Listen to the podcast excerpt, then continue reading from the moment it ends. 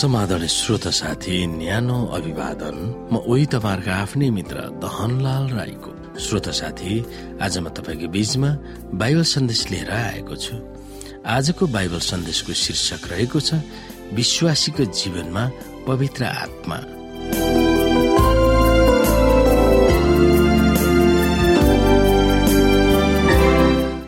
श्रोता विश्वासीको समुदायमा भइरहेको भ्रष्ट र कुवाक्य बोलीको पापको बारेमा छल गर्ने क्रममा विश्वासीहरूमा हुने पवित्र आत्माको उपस्थितिलाई के गर्नुहुन्न भन्ने अर्थी पावलले सुनाउँछन्। अनि परमेश्वरका पवित्र आत्मालाई दुखित नतुल्याओ जसमा उद्धारका दिनको निम्ति तिमीहरू छाप लगाइएका छौ भनेर एफिसी चारको तिसमा भन्दछ। विश्वासीहरू सत्य र यसुको नीतिमा हिँड्ने भने तिनीहरूले तिनीहरूको गति कस्तो हुनेछ भन्ने चेतावनी पनि दिँदै पावलले हृदयलाई न्यानो पार्ने प्रतिज्ञा पनि सुनाउँछन् चर्चमा एक आपसको विरुद्धमा पापहरू गर्ने सानोतिनो कुरा होइन। परमेश्वरले हामीलाई दिनुभएको असल बोली वचनको वरदानलाई एक आपसलाई गिराउन दुरुपयोग गर्दा विशेष गरेर पवित्र आत्मालाई चित्त हामीले दुखाइरहेका हुन्छौँ। पावलको त्यो वचनले यसैया त्रिसठीको दशको प्रतिध्वनि गर्दछ। जसमा लेखिएको छ तिमीहरू बाघी भएर उहाँका पवित्र आत्मालाई दुखित तुल्याए। यसै कारण उहाँ तिनीहरूका शत्रु हुनुभयो र उहाँ आफैले तिनीहरूका विरुद्धमा लड्नुभयो। पावलले यो पनि सुनिश्चित दिलाउने प्रतिज्ञालाई विश्वासीहरूलाई सुनाउँछन्। जुन दिनमा तिनीहरूले यसु ख्रिस्टलाई ग्रहण गरे वा विश्वास गरे त्यस दिन तिनीहरूलाई पवित्र आत्माको छाप लगाइएको हुन्छ। त्यो छाप मुक्तिको दिनसम्म रहनेछ। विश्वासीहरूसँग पवित्र आत्माको सम्बन्ध टिक्क जाने जस्तो होइन तर त्यो दिगो रहने हुन्छ। जब आफ्नो जीवनमा पवित्र आत्माको उपस्थितिलाई व्यवस्था गर्दै तिनीहरूले एक आपसमा गिराउन बोली चालीको वरदानलाई दुरुपयोग गर्दछ तब पवित्र आत्मा तिनीहरूलाई छोड्नु पर्छ भनिएको छैन। तर उहाँको चित्त दुख्छ वा मन फाट्छ भनिएको छ। यसो ख्रिस यस संसारमा नफर्कुन्जेल विश्वासीहरूमा पवित्र आत्मा रहिरहने उहाँको आशय हो। तिनीहरू परमेश्वर को हो र उहाँले सुरक्षा दिनुहुन्छ भन्ने महसुस गराउन विश्वासीहरूमा पवित्र आत्मा रहनुहुन्छ।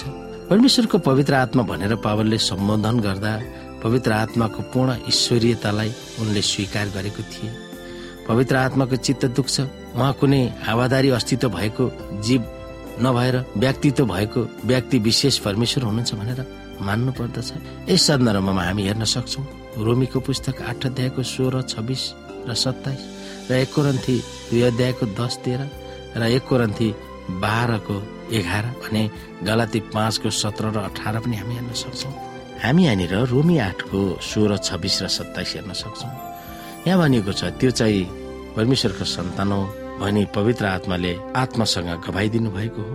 भने छब्बिसमा पनि हामी हेर्न सक्छौ कि त्यसै गरी पवित्र आत्माले पनि हाम्रो दुर्बलतामा सहायता गर्नुहुन्छ।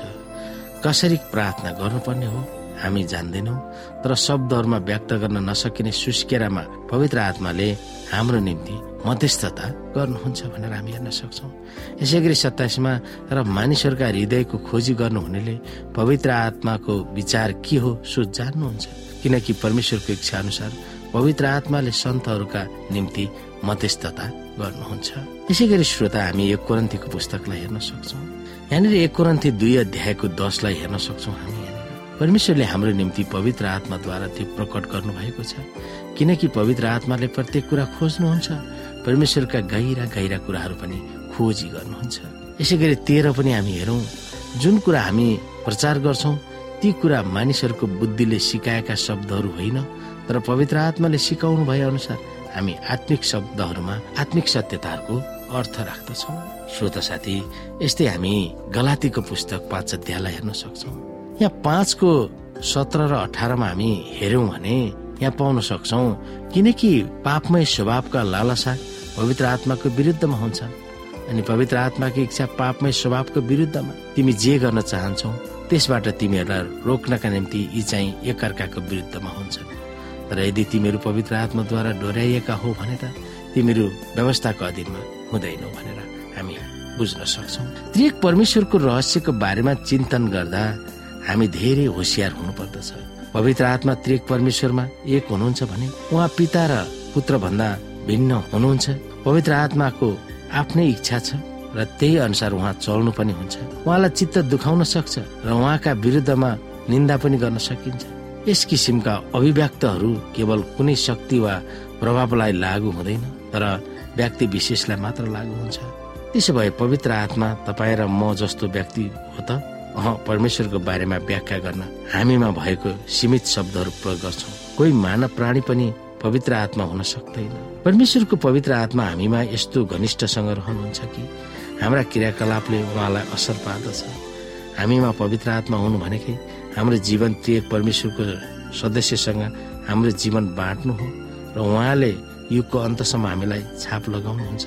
यस अचम्मको सत्यप्रति हाम्रो विश्वासको प्रत्युत्तर के हुनु पर्दछ त्यो हामी सोच्न सक्दछौँ।